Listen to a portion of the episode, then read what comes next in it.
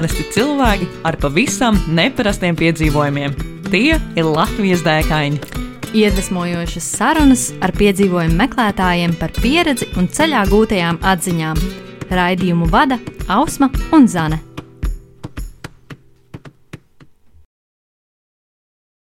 Esiet sveicināti klausītāji Latvijas dēkāņos ar jums kopā Zane, Ausma un Mārtiņš. Čau, Mārtiņ! Sveiki, sveiki, Zana, sveika, Ausma, un sveiki arī visi klausītāji. Cik profesionāli radio balss pie mums ir ciemos. Un uh, tieši tā, Mārtiņš uh, Kļavnieks, viņš arī ir uh, žurnālists, sporta entuziasts. Es domāju, ka lielākā daļa no jums viņu noteikti būs dzirdējusi kaut kur uh, radio viļņos, uh, stāstot par sporta aktualitātēm. Un, kā saka, pats viņš ir arī vīrs un tētis. Un, uh, nu jā, vai ne? Precīzi, nē, es samelojos nevienā kripatiņā. Tieši tā arī ir. Jā. Sports žurnālists, vīrs, tēvs. Un, nu, jā, es ceru, ka arī klausām radiobalss. jā, ļoti, ļoti labi. Jā. Um, nu, lūk, es sveicināts Latvijas dēkaņos, jā, vēlreiz. 21. epizodē. 21. epizode, un tas jau tāds pilngadība. Amerikā, starp citu, pilngadība, vai ne? Oh, labi, ka tu pieminēji. Jā. Jo, klausies, kas tad būtu tā lielākā dēka, kurā tu līdz šim esi bijis? Paldies vispirms, ka uzaicinājāt mani šeit eh, ar to dalīties. Eh, Nu, dienu, ja jau pieminējāt Ameriku un eh, 21 gada vecuma, vecumu, tieši tas arī ir tas laiks un vecums, kad es devos uz Amerikas Savienotajām valstīm. wow, viss saslēdzās kopā. Super, super. Nu, un kas tad uh, bija tas, ko tu Amerikā darīji? Kā tas vispār sākās?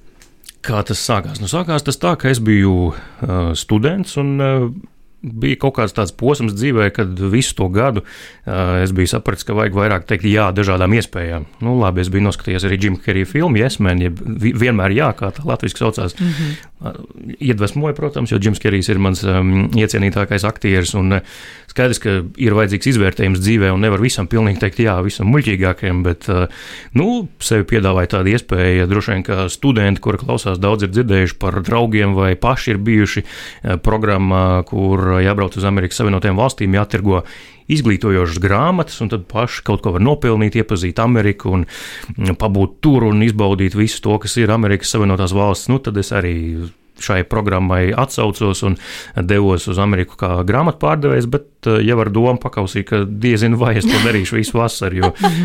Tas bija pirmais gads šajā programmā, kad viņi piedāvāja īpašu um, iespēju, ja tev nesanāk, tad tevi nevis pēc trijām nedēļām sūta mājās. Nu, ja tu neizpildi kritērijus, tik un tik pārdotas vienības vai tik un tik nopelnīts, tad eh, nu, tu vari atteikties no šīs programmas, palikt Amerikā, saglabāt savu studentu vīzu uz šiem Oh. trijiem mēnešiem. Un, un strādāt citu darbu, pats meklēt, vai viņi palīdz sameklēt tev darbu.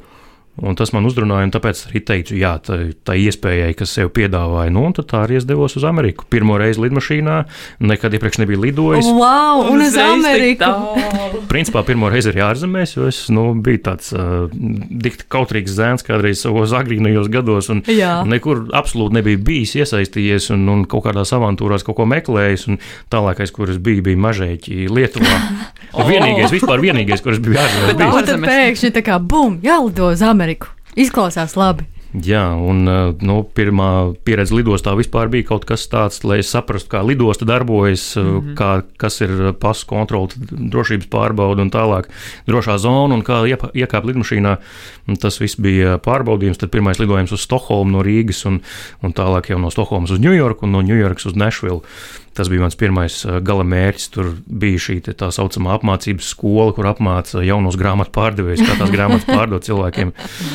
Un, nu, tas bija jā, vien jau piedzīvojuma vērts. Nu, tad nedēļa Nešvilā šīs apmācības, un tad nosūta grupiņu, baltiešu grupiņu parasti, jo nu, dala pa reģioniem to, to visu. Un mēs, latvieši, ar divi latvieši, es un mans kolēģis Eģus, ā, sveiciens viņam, ja arī Eģus klausās, un, un kopā ar vēl šķiet piecām igaunietēm nonācām Čarlstonā. Mm. Tas ir Dienvidkarolīnas štats, Atlantijas okeāna piekraste. Brīnišķīga pilsēta. Tas ļoti burvīgi, jā, uzreiz tā mm. var iedomāties. Jā, nekāda klasiskā Amerika tur nav. Tur īpašs likums, lai neviena celtne nebūtu augstāka par augstāko baznīcas torni pilsētā. Tā kā tur oh. debesu skrāpjas jūs neatradīsiet. Tur, tur, tur ir ļoti daudz vecās arhitektūras no, no tā, kas pēc pilsoņu kara ir palicis ne, nenopostīts, daudz saglabājies. Un, nu jā, šeit uz galda mums arī stāv fotografija ar mani pie vergu tirgus vārtiem. Tieši tā, tur bija vergu tirgus un vergus tik tiešām tirgoja tajā laikā pirms pilsoņu kara. Ah, es jau domāju, ka tajā, tajā laikā, kad biju Amerikā, tad nu, nopirku vienu vergu.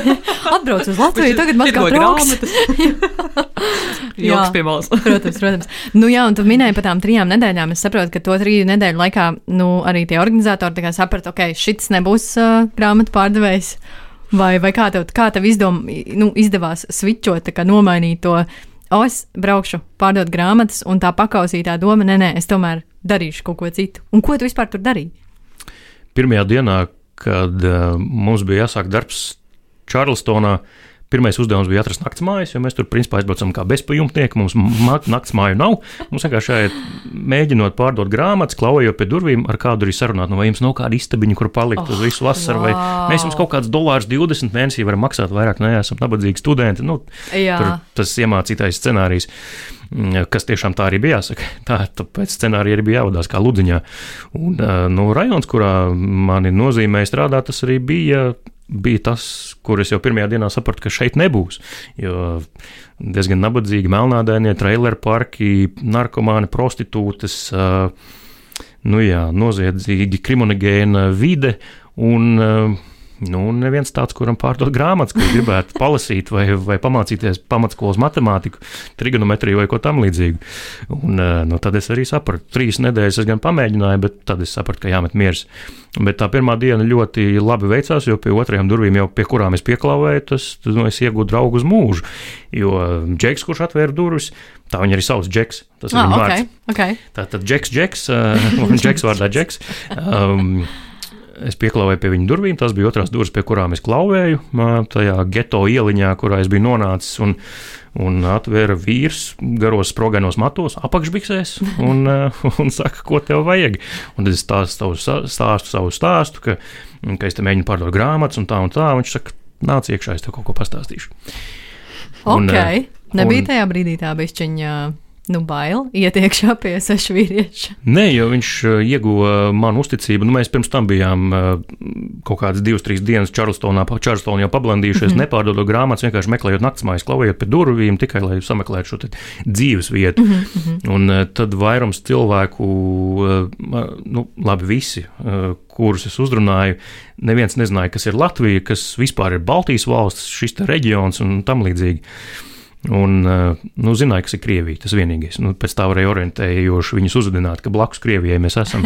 Lasaka, jā. jā, jā. Un uh, bija viena blondīna, gan uh, bija viena dāma, kura nezināja, kas ir Krievija arī Amerikā. Bet labi, tas lai paliek aizkadrā.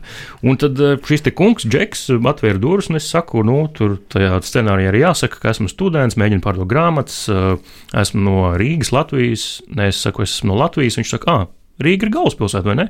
Es esmu bijis daudzreiz Zviedrijā, man tur ir draugi, esmu studējis Francijā. Forši.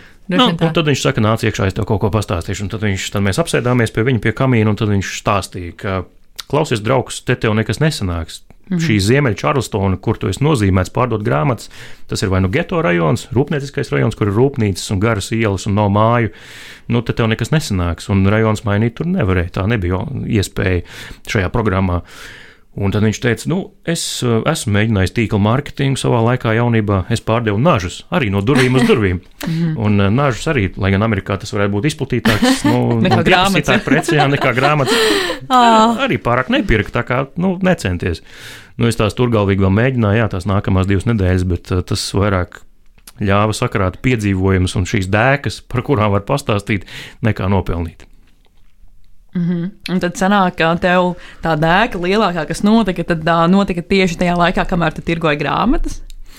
Jā, tā to var teikt. Jā. Nu, tā, tā bija šķiet viena no pirmajām, ja, nu, man šķiet, ka tā bija pirmā nedēļa. Mm -hmm. Jo Džeks arī jau pašā sākumā paņēma karti, kas mums visiem bija līdzi, tā rajona karte, kur mums jāatzīmē, kurās mājās un ielās mēs esam bijuši, kur jāiet tālāk, nu, tā lai izķemmētu to rajonu.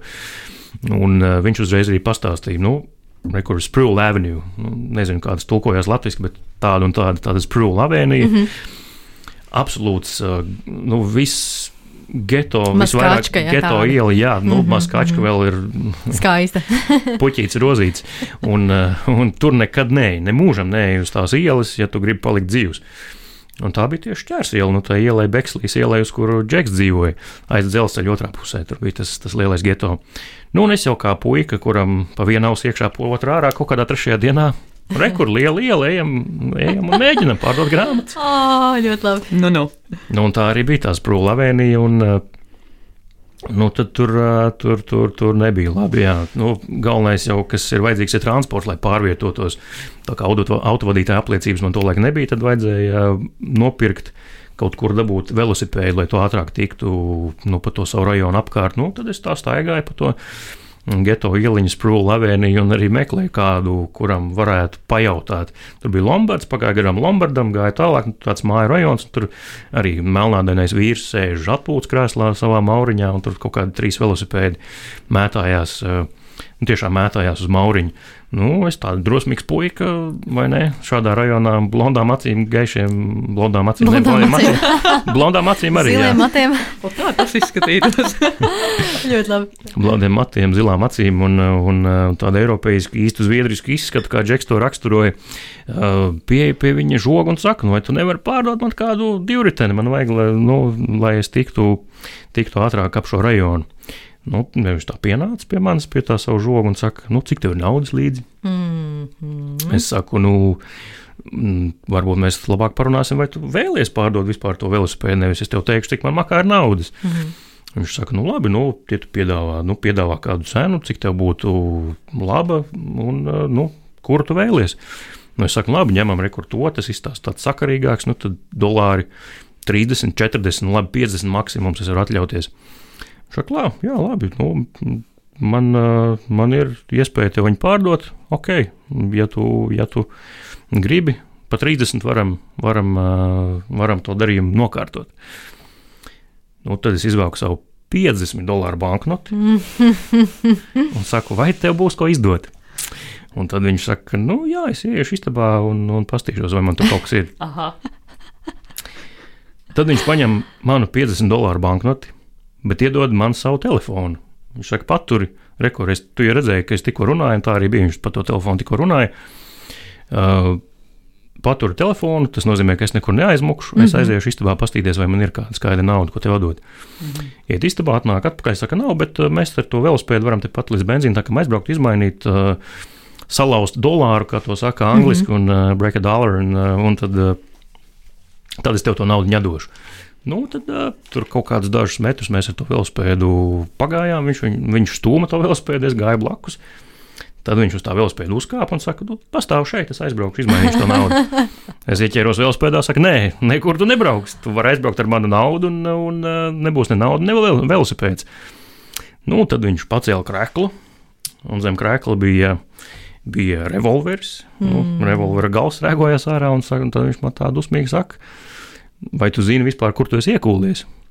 Man ir uh, telefons, kurā ir kontakti par, par, par uh, nu, telefons kont ar kontaktiem cilvēkiem, kuri nāk un, un preci pie manis iegādājas katru dienu. Mm -hmm. Zināmas kategorijas preci, un, un, un es tā pelnu naudu, un tā un tā. Un tu esi, man liekas, bija frāze, tu esi mūsu rajonā un kaut kā tā. Un tad, Nu jā, tad es to velospēdu palaidu vaļā, bet telefons, viņa telefons joprojām bija pie manis. Viņš aizbrauca it kā uz to benzīna tanku, droši vien atbrauc ap, ap, apkārt rajonam, aizbrauc uz savām mājām. Un es tā apsēdos pirmajā minūtē, paskatījos sev apkārt, man ir tas telefons rokās, man nav divi riteņi, man nav 50 dolāru. Bet ir telefons. ir telefons, un, uh, un es esmu apsēdies uz kāpnēm, kur vietējam cietumam kur tieši milzīgi plāksni, ka nu, cietums ir šeit, tieši pie durvīm. Jā, oh, ļoti labi. Nu, tad es tā piecēlos un devos projām. Ar visu telefonu. Ar visu telefonu, jā, devos projām. Nu, tā mēs. Tā es to dēvēju, ka mēs viens otru aplaupījām. Skaidrs, ka nekāda laupīšana tur nebija, bet nu, tas var izvērsties arī citādi. Droši vien. Nezinu, kāpēc tas tā atrisinājās, bet te jūs maskāču arī pieminējāt.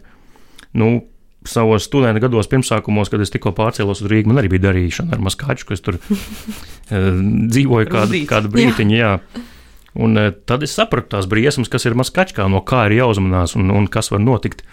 Bet uz Ameriku aizbraucot, tas viss šķiet kā tādā filmā, nu, ka tur nu, tu esi kā filmas varonis un tev nekas nevar notikt. Un tāds, tāds jautri, liderīgs noskuģojums, ka rekursēžs cilvēks, nu, viņam varam paprasīt par, par, par velosipēdu pārdošanu. Re, kur viņam ir revolveris. Jā, nu, nā, nā, vienkārši turpat tāpat stāv. Bet tu to uh, telefonu arī izmantoji, es saprotu, pēc tam. Jā, jā, telefons man noderēja visu vasaru. Pēc tam viņam paroles nebija nekādas. Nekas. Nē, tas nu atvāžamais telefons. Labi. Ah, tāds atveramais, jā. Teikt. Tad vēl vietā, kur viņi nebija modē, jā. Ah, jā. Īpaši, nu, zemākam sabiedrības slānim. Un tur pienāca jā, izziņas ik pa laikam vakaros, ka man vajag tik un tik gramus kaut kā, un, un vai var sarunāt. Un... to atbildēja arī.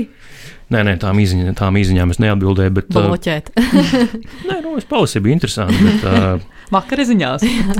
Bet uh, tam telefonam bija tāds tarifu plāns, ka bija kaut kāds noteikts skaits bezmaksas minūšu katru mēnesi, un tā es arī tās minūtes izmantoju. Un, un tas telefons tiešām ļoti lieta noderēja tajā vasarā. Tā kā tie bija labi pēdiņās ieguldīti pussimts dolāru. Jā, un saki, kā vispār. Um, tev atmiņā palikuši tie cilvēki no Amerikas. Jo es saprotu, nu, ka šis viens uh, kungs ar to revolveru pie sāniem nu, ir bijis jā, droši vien pretstats tam džekam, džekam vai ne. Uh, kā vispār tev tādas sajūtas bija kopumā atrasties tur? Čārlstonā vispār ļoti, nu, ļoti viesmīlīgi. Mm -hmm. Viņi to pašu dēvē par šo dienvidu štatu viesmīlību.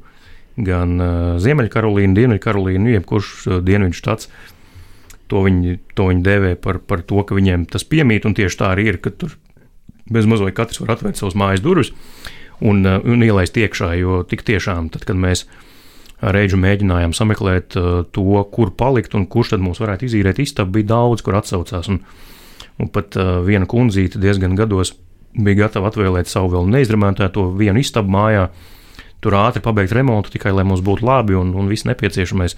Tā kā tā atvērtība tiešām nu, no amerikāņiem un, un, un, un tā, tā viesmīlība, to es ļoti novērtēju. Nu, it īpaši jau džekā, bet, protams, ir arī tā otra puse. Nav tik laipni cilvēku, un visi nav tādi, un, un ir, ir tādi, kur ir dusmīgāki. Un, Arī grāmatas pārdodot, es tur uzkrāju vēl vienam revolverim, vienreiz virsū, burtiskā nozīmē, jo uh, Amerikāņiem ir raksturīgs tas, ka ir mājā ārdurvis, mm -hmm. pirmās ārdurvis, tad ir tas um, odu tīkls un tad ir otrās ārdurvis. Un viņi atstāja vaļā pirmās ārdurvis, odu, odu tīkls pāri, un tad no iekšas ir atvērts vēl iekšējās ārdurvis.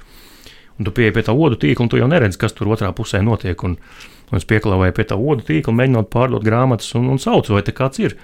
Neviens neatsaucās, un tad kaut kā mēģināju pavērt odu tīklu, lai vismaz pastītos, ir kāds vai nav. Nu, tad, tas manā... bija tajās trīs nedēļās, vai ne? Jā, jā, tas jau bija tajās trijās oh, nedēļās. nu, tad manā priekšā divi stobrēni izlīda caur, nu, ne caur rodu tīklu, bet, nu, jā, es redzēju to, ka. Mm -hmm. nu, tas izklausās vienkārši tā kā tā filma. jā, tā kā, sorry, netraucēšu vairs jūs, visu labu. nu, nē, viņš tā skaļi bļāva, izvirzot to stobru caur to vodu tīklu, tā lai izspiežās tas, tas, tas, tās divas stobrēnas gals ārā no vodu tīkla. Ak, ko, tu, ko tu šeit dari, kāpēc tu kā pāri manam slieksnim, ko tu iedomājies, man te ir ieroči, viss kaut kas mājās. Un, Es tā atvainojiet, lūdzu, piedodiet, tas vairs neatkārtosies, es dodos prom. Nu, tad viņš nebija priecīgs joprojām par to notikumu, bet viņš bija pietiekami ap, apmierināts, ka es dodos prom. Mm -hmm. nu, tad pie tāda kompromisa mēs arī palikām. Jā. Kā vispār ir, ja esat projām no mājām, pirmo reizi tādas lielas ārzemes un skaties jau dzīvību divas reizes, uzmest trīs tā, nedēļu laikā. trīs nedēļu laikā, nu tā, ka no, būs vai nebūs, vai nebija tā sajūta, ka nu, viss jābrauc atpakaļ. Es, es saku, es to sajūtu saķēru tikai, tikai rakstot draugiem. Uh, digitālās vēstules, to laiku uh, draugiem LV portālā tieši, mm, jo Facebook vēl nebija tik, tik aktuāls tobrīd. Uh, stāstot par to, kas ar mani ir noticis, un arī šos abus stāstus atstāstot uh, rakst, raksturveidā, un, un tad viņi bija tie, kuri man to realitātes sēklu iesēja, ka tas taču ir tik bīstami, un ar tevi arī varēja kaut kas notikt. Bet es saku, es izdzīvoju tajā, tajā reāla laikā to kā filmu, kā tiešām, ka es esmu filmas varonis, un ar mani nekas nevar notikt. Tur arī stāsti to, ka, oh, jā, tur divi stūri, no čalim revolveris tur bija. Nu, tā tad tik vitāli to stāst, ka nešķiet, ka tu tajā brīdī vispār sabijies uz mirkli. Pat. Es saku, to brīdi nebija nekāda baisa sajūta, jā, jo es to brīdi lecu iekšā un ņēmu visu, ko man, ko man Amerika deva. Un, Un tiešām esmu pateicīgs, ka tas laiks ir bijis tāds, un ka es piedzīvoju to, ko piedzīvoju. Tā kā arī tālākais laiks bija brīnišķīgs un ar mazāk briesmu, mazāk dēkām, bet uh, tas viss bija. Nu, tas viss ir joprojām ļoti cieši iededzināts manā atmiņā, un, un uh, vienmēr esmu maicis sejā par to stāstot. Un kā tad turpinājās tavs stāsts Amerikā? Trīs nedēļas tātad mēģinot pārdot grāmatas. Un... Izvairoties no ieročiem. Matriksā. Veiksmīgi, kas jāpadodas. jā, jā, reizi.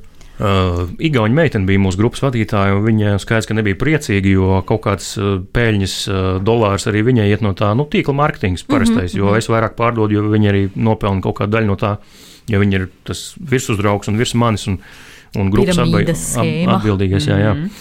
Un, uh, un, uh, Nu, viņa nebija priecīga. Viņa mēģināja atrunāt mani no tā lēmuma, kad es viņai piezīmēju, ka viss, ka šodien es pabeidzu, finišēju un vairs neko.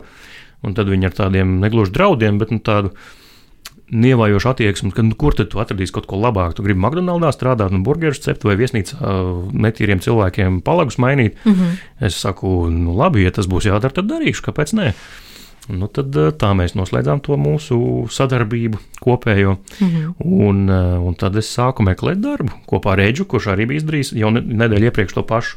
Wow. Tad Džeks teica, čaļi, palieciet pie manis, var dzīvot līdz vasaras beigām. Man jūs kā cilvēki patīkat kompānija laba. Viņš dzīvo viens, mūzikas skolotājs. Oh, cik superīgi. Un palikāt arī ja, visu vasaru pie viņa? Vai? Jā, palikām visu oh, vasaru. Jā, viņš ir tagad jau trīs reizes bijis arī Latvijā. Mēs ar Sīju bijām pirms trim gadiem pie viņa Čarlstonā oh, ciemos. Oh. Tik jauki. Un, eh, un, un, eh, jā, viņš teica, varat dzīvot, es jums mēģināšu kaut kā palīdzēt ar saviem kontaktiem, darbu pameklēt. Nu, tad mums sākās tā vēl viena realitāte, ka mēs ar Eģu vienkārši gājām visur pie visām ātrās eh, ēdināšanas restorāniem, visur gājām, aizpildījām darba pieteikumu veidlapas pie viesnīcām, visur, visur, nu, kur kaut kāda darba vieta varētu būt. Mēs vienkārši fiziski gājām un aizpildījām pieteikumus. Walmartā pieteicāmies strādāt, tur Walmartā, lai pieteiktos strādāt, nu, nav joka lieta. Varētu domāt, nu, šeit rīmītie vai maksimā ņem katru, katru gan arī izvēlēt, kurš vēlas būt krāvējs vai kasieris. Varbūt kasieri nekuru katru, bet vairāk vai mazāk. Bet, lai Walmartā pieteiktos strādāt, tur bija digitāla anketa ar kaut kādiem 500 jautājumiem jāizpilda, oh, vai pat vairāk. Un, uh, mēs tur pie kaut kāda 200 metām mieru. Kaut ko labāk izvēlamies kaut ko citu. Un tad bija variants, kur piedāvāja šī kompānija, kur, ar, caur kuru mēs atbraucām uz mhm. Ameriku, mm -hmm. šī grāmatu pārdošanas kompānija, sadarbojoties ar vēl citu firmu. Uh, viņiem bija pēc līguma mums jāpalīdz atrast darbs, mm -hmm. ja mhm, mēs negribam mm -hmm. grāmatas turpināt pārdot. Un vienīgais, ko viņi visu laiku mūs spieda, it kā tas būtu vienīgais variants, mēs tā nospiedām, ka droši vien jau ka nebija vienīgais, bet viņi mūs tā ļoti spieda uz to, ka vienīgais jūsu izēja no šīs situācijas vienīgā ir braukt uz Aļasku. Oh. Tur vajadzīgi zivju krāvēji ostā, un jūs tur varat braukt. Un mēs ar Reģu pat kaut kādu brīdi, kad nedēļu bijām nostaigājuši, un, un pusotru nedēļu, laikam, nekādas atbildes no viena no tiem pieteikumiem nebija, kur mēs atstājām savus kontaktus. Tad mēs domājam, nu, vai tad tiešām būs jābrauc uz Aļasku. Jā, kas arī nebūs slikti. Tas arī neizklausās slikti. Jā. Jā, jo mums kofrī bija tikai šorti, čībeņas un krēkli, un mēs brauktu uz zaļas krāmēm zīmes. À, kaut kādā rīktīgi augstā vietā mhm. noteikti, mm -hmm. vai ne? Mm -hmm. Jā, bet, nu, mhm. alga bija vilinoša - 14 dolāri stundā. Čārlstonā, Dienvidkarolīnas štatā vispār minimālā alga bija 8 dolāri stundā. Mēs kā ārzemnieki uz to tikai varējām pretendēt. Mm -hmm. Un skaidrs, ka nu, tas kaut kādā mērā ziņā dzina uz priekšu, jo Nu, katram no mums bija finansiālās saistības. Skaidrs, ka mēs no vecākiem šo naudu bijām aizņēmušies, gan es, gan Eģis lai nokļūtu Amerikā, lai samaksātu kaut kādu minimālo iemaksu uh, šai grāmatu pārdošanas mm -hmm, programmai. Mm -hmm. Nu, to naudu mēs vienmēr sakot, bijām pasējuši, jo neko nepārdevām, neatpelnījām. Un tad mums abiem iekšā bija tas jaunības, 20 gadnieku, tas, tas, tas uh, drudžainais stāsts, ka tā nauda ir jādabū atpakaļ. Mums Jā. ir vecākiem jādod tā nauda, tā ir mūsu atbildība. Un tad uh, atkal Džeks nāca tālāk, viņš uh, nu, pie kādas, um, pie kāda garšīgāk dzērienu glāzes uh, vakarā uz, uz terases, dārzā, precīzāk grilējot gaļu. Teica, nu, puiši apsēdieties, es jums kaut ko par dzīvi pastāstīšu. Dzīvē nav vispār naudu. Jo, nu, kā Džeks teica, nu, jūs vecāki jau grib, lai jūs būtu laimīgi, ne jau to naudu dabūt atpakaļ. Mm -hmm. Ja jums te veiksies uh, labi un jūs iegūsiet vērtīgu pieredzi kaut kādā citādā veidā, nevis atpelnot to viņu naudu, tad jūs vecāki būs laimīgi. Un, eh, nu, mēs tajā ieklausījāmies un turpinājām rakt turpat Čārlstonā, mēģināt atrast darbu. Un tad uh, Džeka uh, mātes paziņa, jo māte arī bija atbraukusi ciemos, kādā brīdī un taisīju šmorē visu dienu. Mums tur tā, tās klasiskās, Jā. klasiskās uh, dienvidu štata uh, brokastis, pusdienas, launaga vakariņas un vēl pēc tam uzkodas. Izcili. Un tad šis draugs uh, Džeka mātei sacīja, ka jums, puiši, vajag pamēģināt aiziet uz uh, nodarbinātības aģentūru. Viņam ir tāda staff agency, saucās, kur bezdarbnieki iet, un tur ir tā slavenā rinda, ko varbūt uh, esat filmās redzējuši, kur meksikāņi stāv un tad brauc mašīna garām, un, un viens bļauj, man vajag četrus strādniekus tur būbedrē, un tad visi lec, kurš pirmais tiks tajā kravas testē. Oh, wow. Tas pēc filmas izklausās. Nu, jā. Un, eh, nu, mēs arī tad uh, bija plāns stāvēt tādā rindā sākumā, bet mēs aizgājām uz to nodarbinātības aģentūru, sapazināmies arī ar vienu melnādaino kundzīti, kur tur strādāja. Tas arī interesants stāsts, jo uh, sākumā mēs gājām uh, uz vienu citu nodarbinātības aģentūru, kas bija piesaistīta baznīcai, mm -hmm. un uh, tāda reliģiska, un tur strādāja gaišas krāsas cilvēki. Un, un varētu domāt, ka mums, kā tādas pašas rases pārstāvjiem, viņi gribēs vairāk palīdzēt, bet viņus mums uzreiz pasūtīja tālāk, kā mēs savu stāstu izstāstījām. Bet uh, šī tumšādainā kundzīte tajā uz tumšādainiem, meksikāņiem, citiem imigrantiem orientētajā nodarbinātības aģentūrā daudz vairāk mums palīdzēja. Atrada darbu, gan man, gan Edžum. Nu, sākumā gan vienu pozīciju tikai, un tad mums ar Edžu bija jāmet monētu, kurš tad ņems to darbu. Mm -hmm. Kurš paņēma? Es uzvarēju. Oh. Ko jūs darījāt? Kas, kas bija tas darbiņš? Edžus uh, strādāja uh, celtniecībā. Un uh, lika reģipsi, ģipškartonu krāsoja un veda, veda būgružus. Es strādāju uh, Ešlīs upes krastā, uh, mazgāju motorlaivus. Uh, tāds pats servis kā autoservis, tikai mm -hmm, motorlaivu mm -hmm. servis. Cilvēki atbrauc, mehāniķis remontē. Es pēc tam nomazgāju, iztīru un uh, traktoru viņa aizvedu uz, uz, uz traileru uzlikto laivu viņiem, tur, kur ir savākšanas punkts. Brīnišķīgs darbs, brīnišķīgi cilvēki, atkal ar kuriem iepazinos, un uh, visi, kuri tur bija. Uh, jā, Rājans Čats, uh, mani labi paziņas vēl joprojām kur pēc tam izuzināja arī ar savām laivām pa, pa Ešlīs upi un aizved līdz okeānam. Arī tā Ah, bija brīnišķīga diena, atpūta. Un, un, protams, Laiža, uh, tumšādainais vīrs, smieklīgais, kurš nemācīja nerakstīt, nelasīt. Arī tāda ir Amerikas realitāte. Jā, bija, bija tā, tāds, ļoti sirsnīgs cilvēks, bet ekstravagants. Viņam uz mašīnas bija uzdrukāta uz mašīnas aizmugurējā stīkla zārks un visi viņa mirušie brāļi ar sejām. Tas Wow! ļoti- Ok. ļoti interesants. Ļoti interesants pieejams, kā godināt uh, savus aizgājušos tuviniekus. Jā. Bet, uh, jā, tur Čats un Rainis viņu ik pa laikam ķircināja. Elaižu, jo Elaižu domāja, ka viņš nodarbojas ar sportu, ja viņš iet pastaigāties. Tad uh, Čats viņam vienmēr teica, Elaiža, sports ir kaut kas, kurā tu iesvīsti. Ja tu pastaigājies, tas nav sports. Tas vienkārši ir labi tavai veselībai.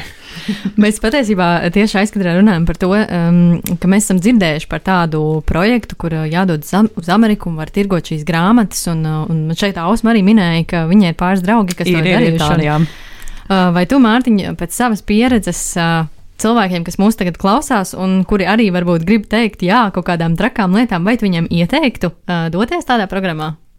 Es domāju, pavisam noteikti, jā.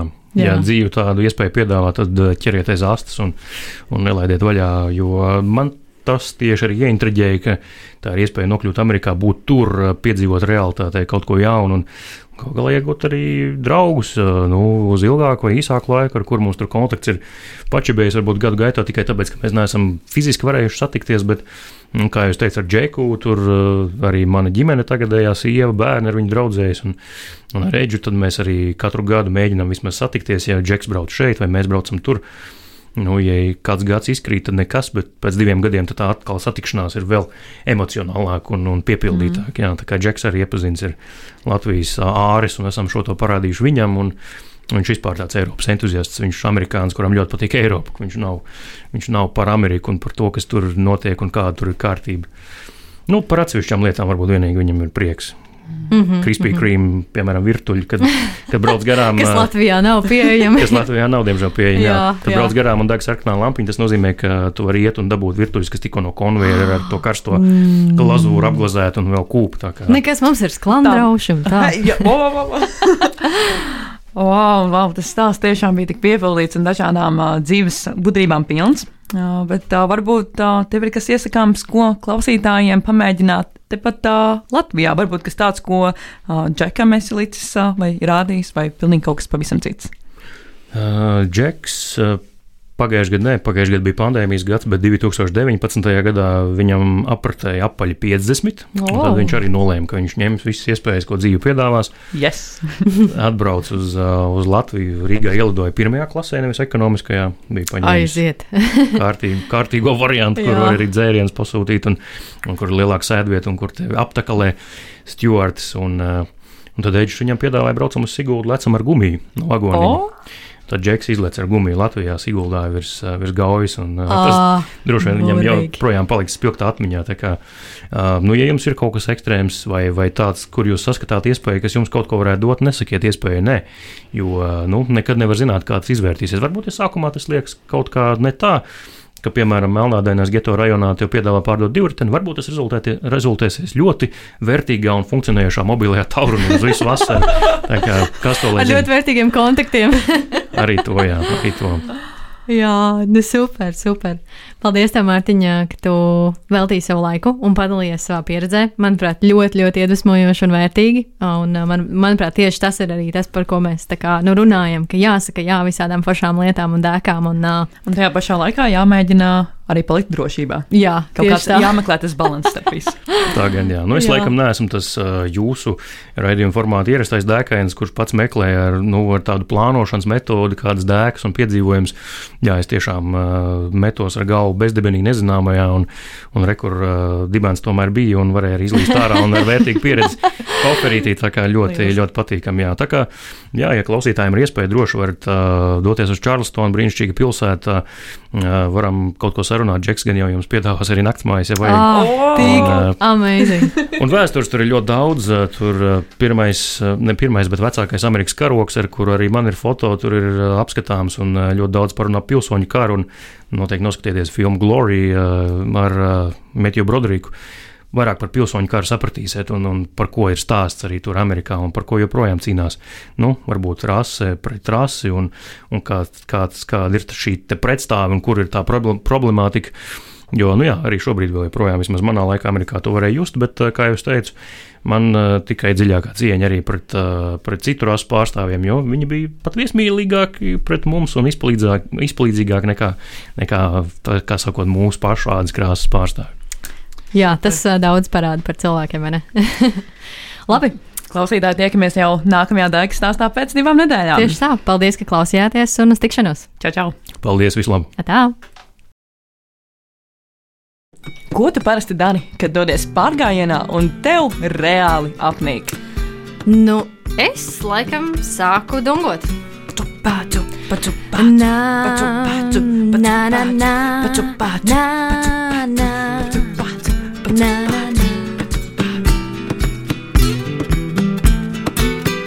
Iedvesmojošas sarunas ar piedzīvojumu meklētājiem, viņu pieredzi un ceļā gūtajām atziņām. Katru otro trešdienu, pulkstens 11. Radio Nabaviļņos. Raidījumu vada Ausma un Zana.